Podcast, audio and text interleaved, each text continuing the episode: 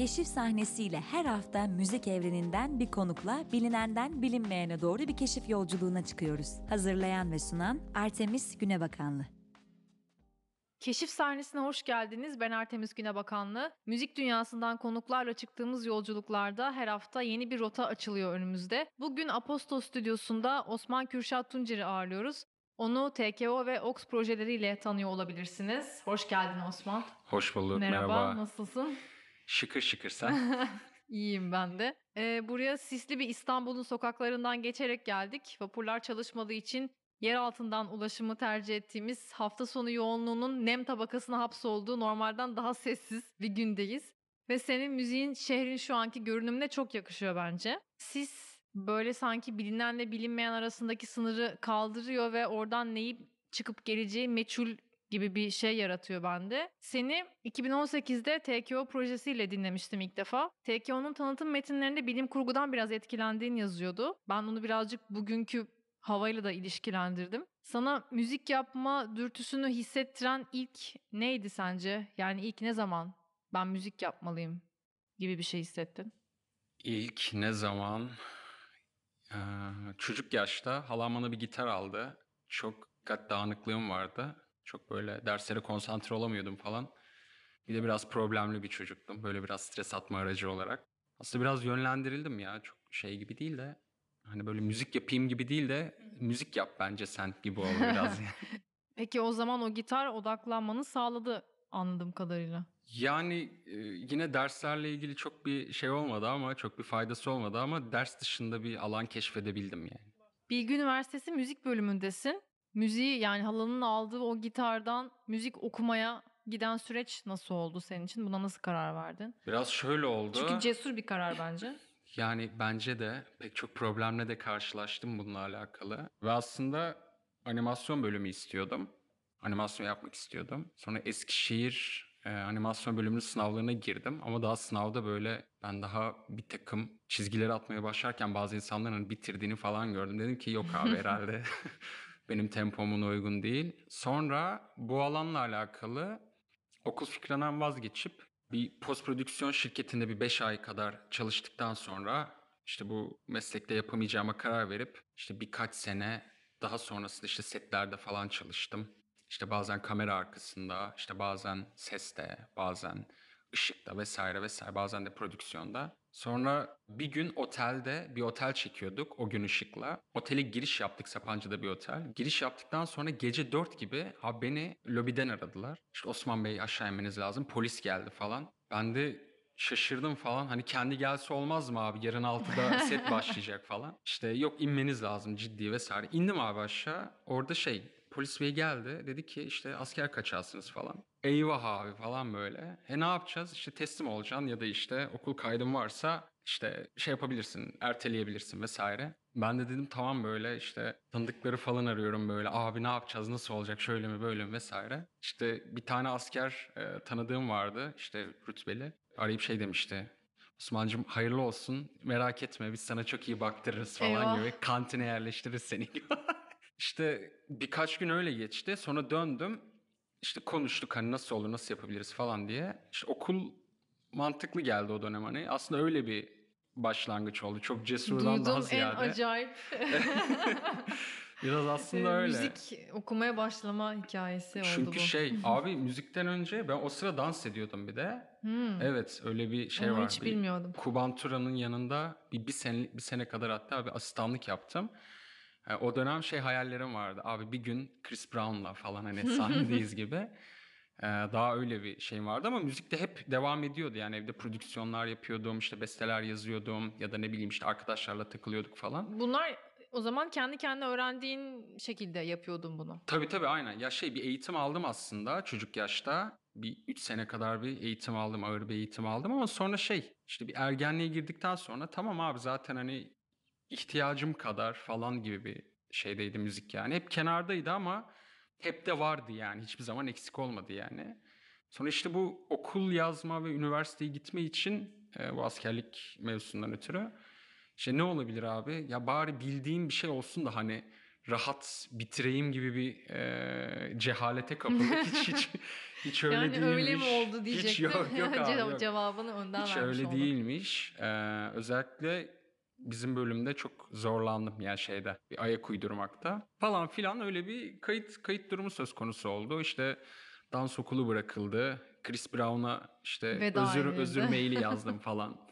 Yaptı mı bunu gerçekten? Hayır abi. Yok yazmadım ama yazsam bence çok üzülürdü yani. Öyle. Sonra okula girdim. Öyle başladı aslında. Ne kadar ciddi bir şey olduğunu aslında biraz okulun herhalde ikinci haftası falan anladım abi aslında böyle bir şeymiş. Hı hı. Çünkü kafamdaki konumu çok başkaydı. Yani o zamana kadar hiç böyle müziğin akademi tarafına dair hiçbir şeyim yoktu. Hiçbir yaklaşımım yok. İşin ağır teorik kısmı, işte ne bileyim ağır harmonik kısmı bunlarla ilgili hiçbir zor beklentim yoktu ama bayağı şeymiş, bayağı e, derin ve okudukça da, öğrendikçe de hani böyle daha da kendi içine alan bir yapısı Hı, varmış. Onu soracaktım. Yani o o seviyeler açıldığı zaman senin için biraz daha böyle keyifle içine girdiğin bir şey oldu mu müzik diye Tabii ki soracaktım. tabii ki abi şey da, ben daha sosyal hayatın içinde bir yere konumlandırıyordum müziği yani ama akademiye girdikten Sosyal sonra hayatın için yani eşlikçi gibi bir şey mi yoksa kişisel anlamda sosyal hayatına paralel bir yo şey bayağı şey yani e, bir bitki bilimcisinin bitkiyle olan bağıyla bir müzisyenin müzikle olan bağı yani o şekilde gözlemlenebilir. Nasıl ki bir bitkinin sadece varlığını düşleyen birinin oradaki varlığıyla onu işte yapısını bilen, nasıl büyüdüğünü bilen, işte ne bileyim hastalandığında nasıl tedavi etmesi gereken gerektiğini bilen bir kişi ise ona nasıl e, ilgi duymaya başlıyorsa müzik de en az o kadar. Çünkü gerçekten yaşayan bir şey yani gerçekten. Bu bilinç okula girdikten sonra gerçekleşti. Yani gerçekten hareket eden bir şey olduğunun, fiziksel bir fenomen olduğu, günlük hayatımızı nasıl etkilediği, insan olarak biz nasıl etkilediği okula girdikten sonra oldu. Peki müzik yayınlamak okuldan önce var mıydı kafanda? vardı. Bu yanlış hatırlamıyorsam ilk bu işte online distribütörlerin ilk çıktığı dönemler falan. Biz o dönem SoundCloud kullanıyorduk. Ama şey Spotify da böyle artık şey hani böyle kullanımı artmaya başlamıştı Türkiye'de bayağı. O dönem hani öyle bir girişim oldu ama bayağı beklettim ya bayağı yani o Spotify mecrasına dağılmaya böyle bir herhalde 4-4 sene kadar bekledim yani. Daha hazır bir şeyde girmek istedim. Peki müzik yayınladıktan sonra işte müzisyenin genelde kafasında bir plan oluyor. Onu konserler takip etsin istiyor. Konserleri yeni şarkılar, onları işte belki pe- festival performansları vesaire böyle hani suya atılan taş gibi halkaları büyüterek giderek daha çok insana ulaşmak oluyor hedef çoğu zaman. Senin kafanda böyle bir plan var mıydı müziğe dair? Yani tabii Yoksa ki... sadece hani yapıp paylaşmanın keyfi miydi seni daha çok motive eden? Ya aslında en baştaki istek iletişim kurma isteğiydi. Hatta ilk EP'yi yayınladıktan sonra çok ilginç bir şeyle karşılaştım kendi hayatımla alakalı. Ben o EP'yi yayınladığım zaman aslında altına gizlediğim bütün e, metinlerin işte aslında çok görünür olduğunu düşünüyordum kendi içimde. İşte insan bu bu da yani insanlarla olan iletişimde aslında bana bayağı bir bayağı bir farkındalık kazandırdı. Çünkü orada şunu fark ettim. İnsanlar yani eşim, dostum, çevrem, tanıdıklarım gelip bana şunu sormaya başladı. Abi hani anlamıyorum işte Ne diyorsun? işte ne aynen anlatmaya hani bu, bu ne demek ya falan. İşte ben ama ben böyle kafamda şey oluyorum. Oğlum çok açık değil mi falan hani işte bunun üzerine bu oluyor falan. Hani bu x'e bu da x kare gibi bir şey değil mi falan oluyorum böyle. Ama kesinlikle öyle bir şeyler canlanmıyor. Bu da şunu fark etmeme yol açtı. Aslında günlük hayatımda iletişim kurduğum insanların beni anlamak için ne kadar çaba sarf ettiğini, e, benle e, bir diyalog halinde bulunurken işte deyim yerindeyse deşifre etmeleri gerektiğini falan fark etmemi sağladı. Bu farkındalığın müzik üzerinden gelmesi çok hoş bir şeymiş bence. Peki bu sende bu EP'yi yayınlama sürecinde yaşadığın şeyler daha sonraki iletişiminde bir dönüşüme yol açtı mı? Tabii bu e, bunu TKO ile e, yapmıştık. Yani bu albüm TKO ile yayınlamıştık. Daha sonra üzerine hani bir biraz daha olayı iletişim dilini kolaylaştırmak istiyordum ama yine de otantik bir yerde tutmak istiyordum. Yani kendi dilimi tam anlamıyla kaybetmek istemiyordum. O yüzden üzerine Instant Distance albümünü çıkardım. Ama orada da sürekli şey yorumu geliyor abi böyle çok üzücü. Hani e, abi işte çok çok görsel bir dünyası var. İşte film müziği abi, işte dizi müziği abi. Ya hayır değil oğlum yani. değil öyle bir şey değil falan. Ee, sonra bir dönem işte bunu e, çaldıktan ettikten sonra biraz böyle ilgilerim işte değişmeye başladı. Başka şeylere ilgi duymaya başladım. İşte edebiyatla daha fazla ilgilenmeye başladım. Resimle daha fazla batı batı resimleriyle daha fazla ilgilenmeye başladım. Altındaki metinlerle vesaire. Oralarda da şeyi gördüm. Yani görünenin e, aslında olduğu gibi okunabildiği ya da işte duyulanın aslında olduğu gibi e, anlaşılabildiği bir şey var, bir aralık var e, anlatım dilinde. E, benim korkum biraz şeydi, e, işte bir kendi dilimi kaybetmek istemiyorum, işte kendi dilimle, kendi hislerimle, kendi aktarmak istediğim şekilde kalmak istiyorum gibi. Ama sonra o biraz daha işte o okumaların içerisinde şeye dönüştü. Ya bunu anlatabilmeliyim yani hani bir hani birilerinin anlamasını istiyorum çünkü ve bunu anlatabilmeliyim de aynı zamanda. Bunun üzerine de Ox oluştu. Daha iletişime açık bir e, müzik formatı olarak başladı aslında yani. Evet ben sana şey sormak istemiştim. Ben önce TKO ile duydum. Sonra OK Tendencies adlı kısa süreli bir girişimin olduğu hatırladığım kadarıyla. Sonra da 2019'dan beri Ox adıyla müzik yayınlıyorsun. Ama hani TKO da bir taraftan devam Evet, ediyor. evet. Hani bütün odağını bir projede tutmak yerine farklı şeyler deneyebildiğin bir oyun alanı gibi değerlendirdiğini düşündüm. O yüzden dedim hani tek bir şeye odaklanıp onu büyütmek yerine biraz daha özgür olabileceğim bir yol seçtiğin gibi görüyorum ben bir dinleyici olarak en azından. Neden böyle bir şey tercih ettin diyecektim ama sen onu e, cevaplamış oldun şimdi zaten. Yani Ox projesiyle birlikte vokalini de duymaya Aha. başladık. Söz yazmak, şarkı söylemek bu sana nasıl bir alan açtı? Mesela bu demin söylediğin o var olan şeyi doğrudan anlatabildiğin o aralığı bulmanı kolaylaştırdı mı? Özellikle söz işin içine girdikten sonra, vokal işin içine girdikten sonra bahsedilen dünyanın aslında nasıl oluştuğuna dair yani çok e, çok tatlı bir yapıya sahip bir cümlenin aslında vokal tınılarıyla nasıl zor bir yoldan o tatlılığa ulaşıldığını aktarmak daha kolay oldu. Bunu TKO'da yapmak çok çok kolay olmuyordu açıkçası. Senin müziğin için kullanıldığını gördüğüm kelimeler deneysel, karanlık, hüzünlü, tekinsiz, Kim sakin. tarafından ya? E, gördüğüm çeşitli kaynaklar tarafından. Duygu skalasının biraz daha ağır taraflarında e, konumlanıyor gibi özellikle TKO. Üretim aşamasında seni besleyen şeyler böyle hislere yakın mı oluyor? Ya da orada nasıl bir süreç işliyor? Şöyle, Buried albümü için konuşmak gerekirse o tamamen içimdeki duyguların bir anlam kazanmadan, bir kelimeye sahip olmadan, bir tanıma sahip olmadan nasıl aktarıldığıyla alakalı. Yani böyle sevişmek gibi yani bayağı e, o an ne oluyorsa hani böyle bu şudur bu budur gibi demeden e, olan bir şeyin ortaya çıkması gibi. Ama Instant Distance albümünde daha daha şey bir durumum vardı. Yani işte ben şöyle bir farkındalık yaşamıştım. İşte aslında tek bir şeye sahip değilim, tek bir yaklaşıma sahip değilim. Sevdiğim insanların mesela işte sevdiğim insanların hatalarını tolere edebiliyorum gibi. İşte burada bir maske takınıyorum ya da üzüldüğüm zamanki çevremdeki insanların hani benimle konuşma şekilleri aslında sonrası için bende daha fazla daha farklı bir yaklaşıma sebep olabiliyor. Yani orada başka şeyler kazanımlar oluyor. Bunun gibi böyle hayat içerisinde kendi adıma yakalayabildiğim 7 maskemi böyle farklı parçalarda oralarda konsept halinde bir araya getirdim yani. O zaman aslında şey diyebiliriz.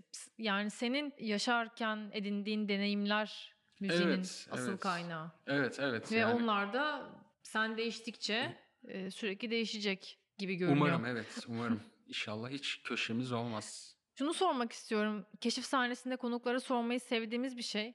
Senin için yeni kapılar açan ya da bu böyle de yapılabiliyormuş dedirten sana albümler oldu mu? İlk dinlediğinde çok etkilendiğin veya belki ilk dinlediğinde etkilenmeyip yıllar sonra ya bu böyle bir şeymiş aslında diye tekrar döndüğün. Yani saymaya başlasak gider yani o liste ama böyle e, geçen sene pandemi döneminde özellikle e, tekrar bir uğrayıp da hani her gün dinlediğim bir albüm vardı. Frank Ocean'ın Blonde albümü. Özellikle Siegfried şarkısı. Üf yani.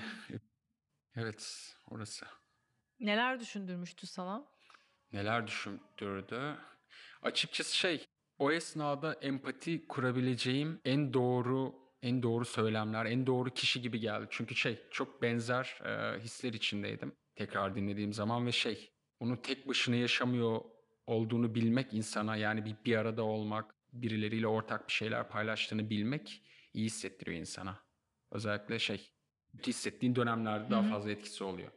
Benzer bir şey geçen gün başka bir müzisyen arkadaşım söyledi. Şey gibi pandemide herkes işsizdi ve hepimiz evde oturuyorduk. Şimdi işte belli oranda açıldı sahneler. Ama bağımsız müzisyenler işin biraz daha hani ne diyelim kendine özgü sesler tarafında olanlar yine aynı zorluğu yaşamaya devam ediyor. Ee, hayat yine devam ediyormuş ama onlar için devam etmiyormuş gibi oluyor falan. Sen bununla ilgili nasıl hissediyorsun? Çünkü biraz daha elektronik tarafta yer alabilen projeler içerisindesin. Onları genelde böyle hani gece yarısından sonra saatlerde düşünüyoruz ama müziğin 12'de bittiği, işte festivallerin 12'de kapı kapadığı bir dönemdeyiz. O nasıl düşündürüyor? Yani ben açıkçası sosyal durumumdan ötürü, sosyoekonomik durumumdan ötürü müteşekkirim e, ancestorlarıma. Çünkü birçok arkadaşım benim kadar şanslı değil. E, Çok başka mücadeleleri var, çok başka yani işte bir arkadaşım var mesela hani isim vermek istemiyorum ama e, pandemi öncesinde böyle bayağı işte Avrupa'da şehir şehir gezen, işte çalan biriyken pandemide işte hiç istemediği halde çok başka işler yapmak zorunda kalan ve işte bu hayata artık adapte olmuş. Yani müzikle devam edemeyecek belki bir süre. Hani o yüzden şey beni çok gelmiyor açıkçası. İşte 12'ye kadar olma durumu işte en azından yapabiliyorum yani. Zaten hani her şey çok sıkışıkken biraz şey gibi geliyor bana. Yani evet kötü ve en çok bunun etkisini müzisyenlerin çekiyor olması kötü gerçekten ama öteki taraftan baktığım zaman da hani bir orantı kurduğum zaman da kendimi şanslı hissediyorum açıkçası. 12'ye kadar da yapamayabilirdim gibi bakıyorum yani. Bu yıl Sonar İstanbul'da Ecem Dilan Köse ile görsel işitsel bir performansınızı izleme fırsatı bulduk. Festivalde sizi yakalayan herkes çok etkileyici bir performans olduğu konusunda bana hak verecektir diye düşünüyorum. O işbirliği nasıl gerçekleşti? Biraz onu konuşalım. Ve oradan başlayarak da senin birazcık bahsettin ama görsel dünya ile ilgili tarafını, müziğin ona nasıl ilişkilendiğini senin için biraz konuşalım istiyorum. Olur. Bir önceki sonarda İstanbul'da yapılan Red Bull sahnesinde çalmıştım. Hı hı. Ve Ecem son parçayı e, dinlemiş bir şekilde içerideymiş. Biz tanışmıyorduk o zaman. Daha sonra bir Hakan abimiz var bizim işte bu görsel dünyayla çok arası haşır neşir olan. O pandemi süre, süresi boyunca geçen sürede Ecem'le Hakan abinin yolları kesişmiş. Biz de Hakan abiyle ortak bir şeyler işte tasarlıyorduk falan. Ecem de o kısmın direction tarafındaydı. Onun üzerine işte orada bir ilişkimiz gelişti ve şey e, bu sene ona sonar teklifi geldiği zaman işte beni aradı ve işte şeyden bahsetti. Hani ben bu sene böyle bir şey yapmak istiyorum. Seni işte senle birlikte bir şey yapmak istiyorum. Okey misin gibi. Biz de oturduk. İşte bir zaten hazır bir konsepti vardı. Anlatmak istediği bir şey vardı. Biz bir araya geldiğimizde de onu nasıl daha iyi vurgulayabiliriz? Nasıl daha altını çizebiliriz? Gibi gibi şeyler üzerinde tasarımlar yaptık ve yani öyle geçti açıkçası. Bayağı çok iyi çok iyiydi ama evet bayağı keyifliydi yani pandeminin üstüne sonarla tekrar giriş yapmak güzeldi. Peki senin görsel taraftaki yolculuğun nasıl devam ediyor ve müziğinle hangi noktalarda kesişiyor? Tolga Zafer Özdemir'in Tritonet kitabında şöyle bir tanım var. Kendisi diyor ki görmek ve duymak şu şekilde adlandırılabilir. Bir frekans spektrumu düşünelim. Kulak bu frekans spektrumunun düşük bölgelerini duymak olarak adlandırdığımız şeyi yapıyor. Göz de bu spektrumun daha yüksek frekanslardaki bölümünü görmek olarak e, adlandırdığımız şeyi yapıyor. Dolayısıyla ikisini böyle birbirinden çok ayırmak yerine Doğası aynı olan iki şey gibi. aynı şeye ait ya şöyle düşünebiliriz aslında aynı bahçeye ait iki farklı ağaç gibi düşünebiliriz ya da işte aynı dünyaya ait e, iki farklı coğrafyadaki e, toprak parçası, insan, kültür gibi düşünebiliriz ama aynı aynı doğaya ait oldukları kesin. Dolayısıyla bunları birbirinden ayırmak benim için çok şey değil hani çok o taraftan bakmıyorum hı, meseleye öyle yani. düşünmüyorsun. Evet öyle düşünmüyorum. Çok güzel bir kafa açıcı bir şey oldu bence söylediğin. Ee, kendi şarkıların dışında başka müzisyenlerin prodüksiyonlarını yapıyor musun? Evet, evet. Orada daha da farklı türlerle e, galiba iletişim halindesin. Evet o da şey oluyor açıkçası hani hiç böyle beklemediğimiz bir hani hiç böyle kafamda tasarlamadığım hiç böyle düşünmediğim işte özellikle gitmek istemediğim alanları bir şekilde çekiliyorum. Orada da çok garip şeyler görüyorum. Ee, şey akraba düğünleri gibi abi. Hani gitmek istemezsin ama hani zorla çekildiğin zaman da illa eğlenecek bir şey e, bulduğun bir şey gibi. Ve sonra bağımlısı oluyorsun rakının falan. işte Memo diye bir e, projemiz var. E, Mehmet Emin Saralioğlu ile yaptığımız. O biraz daha böyle trap dünyaya ait bir şey. Albusin'le bir şeyler yapıyoruz. Şimdilik böyle. Peki müzik yayınlama tarafında sen bağımsız ilerliyorsun. Kendin yayınlıyorsun şarkılarını. Haha. Bütün kontrolün sende olduğu bir dünyadasın. evet, evet. Memnunsun. Hayır. Değilsin. Hayır değilim. Ya Onu- memnun olduğum tarafları var. Memnun Nasıl olmadığım bir şey tarafları var. e, istiyorsun mesela orada? E Şimdi şöyle e, şeyi şunu söylemek lazım. Ben bir ay parça yayınlayıp öteki ay başka bir parça yayınlayabiliyorum. Bunların aralarında istediğim kadar boşluk koyabiliyorum. İşte psikolojime göre ya da işte isteklerime göre hareket edebiliyorum o süreç içerisinde. Sözleşmeli olduğunuz zaman bunlar çok böyle gerçekleşmiyor. Daha keskin beklentiler olabiliyor. Şimdi böyle bir şey olmadığı için mutluyum. Çünkü işte kimse benim e, kendimi nasıl ifade ettiğime karışamıyor. Bu güzel bir taraf ama işin öteki tarafı şu şekilde.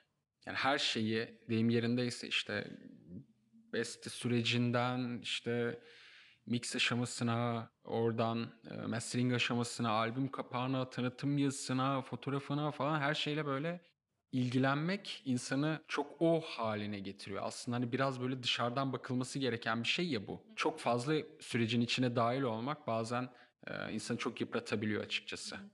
Keşif sahnesinde biz konuklarımızdan yanlarında kişisel bir eşyalarını getirmelerini istiyoruz. Sen bir defter getirmişsin. Masanın üstünde aramızda duran bir defter var. Bu defter düşüncelerini kaydettiğin bir şey mi? Aklına gelenleri mi yazıyorsun? Nedir bu defterin önemi senin için? Bu bu defter Batı kültürünün e, bazı şeyleri nasıl öncesinden çözdüğüne dair bir takdir aslında. E, kayıt tutuyorum. Yani işte düşüncelerimi, gördüğüm şeyleri, işte olmasını istediğim şeyleri, olmasını istemediğim şeyleri, işte bazen bunlar şarkı sözüne dönüşüyor. Bazen işte kompozisyon yaklaşımlarımı, ne bileyim teknik yak- yaklaşımlarımı da unutmamak için Hı hı. ne ne yapmam gerekiyorsa, e, unut bunu unutmamalıyım dediğim ne varsa hepsi bunun içinde. Hmm, tamam şeyi soracaktım çünkü kayıt tutuyorum dediğinde sonradan dönüp yani bu uzun zamandır yaptığın bir şey mi? Böyle defterlerin var mı mesela bunun öncesinde de? Evet evet bu sanırım 6. defter. Dönüp bakıyor musun peki eskilerine? evet, evet ba- bazen Yoksa oluyor. hani kafamdan çıksın gibi bir şey mi oluyor? Şey e, yani tabii ki ilk niyet hani böyle kafamdan çıksın ama e, Orada kalsın. orada kalsın ve dönüp bakabileyim gibi bir e, şey var. İlk etapta tabii ki kafamdan bir, bir yere not alayım gibi bir yeri var ama bazen şey oluyor böyle işte bir şeyleri kaldırırken, toplarken işte defterler takılıyor gözüme. İşte açıyorum abi bakıyorum. Ee, işte hani ne yazmışım? Hani 4 sene önce neye karar vermişim falan böyle. Şey çok üzücü oluyor abi bazen e, bazen şey oluyor. Evet hani bunu atlatmışım. Hani kendime böyle bir şey söylemişim böyle bir task e, yerleştirmişim oraya ve bu işte geçilmiş bu çözülmüş falan. Ama bazen bakıyorum böyle aradan 4 sene geçmiş falan. Hani son defterde de aynı not tekrar alınmış falan. Ya bence güzel bir durum çünkü şöyle bir şey her an değişiyorsun ya ve 4 sene önceki insana baktığın zaman bazen çok yabancı gelebiliyor sana. evet evet Yani başka bir insan olduğunu yaşarken çok anlamıyorsun ama öyle bir şey gördüğün zaman o biraz seni yüzleştiren bir şey oluyor. Ben artık o insan değilim ben farklı bir insanım gibi evet hissediyorsun. Ama işte o devam eden temaları gördüğün zaman da belki ya eğer bu hani memnun olmadığın, değiştirmek istediğin bir şeyse ne yapman gerektiğini de birazcık sana gösteriyor gibi. Yani o sürece yayılan defterler silsilesi evet diye düşündüm şu İlk şey o anda. aslında gerçekten hani ilk şey bunu yapmalıyım gibi notlarım oluyor. Abi bunu yap hani buna dikkat et falan. Gerçekten onların üzerine gidiyorum da şey çok görücü oluyor. Ee, çok fazla farklı metot denenmiş ama hiçbir sonuç alınamamış. Orada da şey oluyor biraz. E tamam abi herhalde sen de bu konuda böylesin yani falan gibi. Ee, Kendine dair güzel bir içgörü alanı sağlıyormuş. Tabii tabii, tabii abi tabii ki evet evet. Ben bunun içinden bir şey okumak istiyorum. Hmm, güzel. Ee, sen bir sayfa seçmek ister misin buradan? Olur. Şöyle. Olur. Tamam seçiyorum bir şey. Şöyle bakmadan. Aha. Şöyle bir şey açtım. Çok da bir şey çıkmadı buradan. Ee, evet bir daha bir daha çevir istersen Tamam. bu böyle bayağı teknik bir not oldu. Böyle bir şey. Bu da teknik bir not oldu. Tamam. Şu Şöyle bir şey evet. bakalım. ne çıktı? Ben bakmıyorum. Yine Sen teknik, yine teknik bir not oldu. Burada E, bazı oo, oo, oo. çizimler görüyorum. Çok Evet. özel şeyler mi oldu? Evet evet bununla Osman gidebiliriz günlüğünü mü sanırım. getirdin buraya? Yok buraya gidebiliriz. Burada tamam.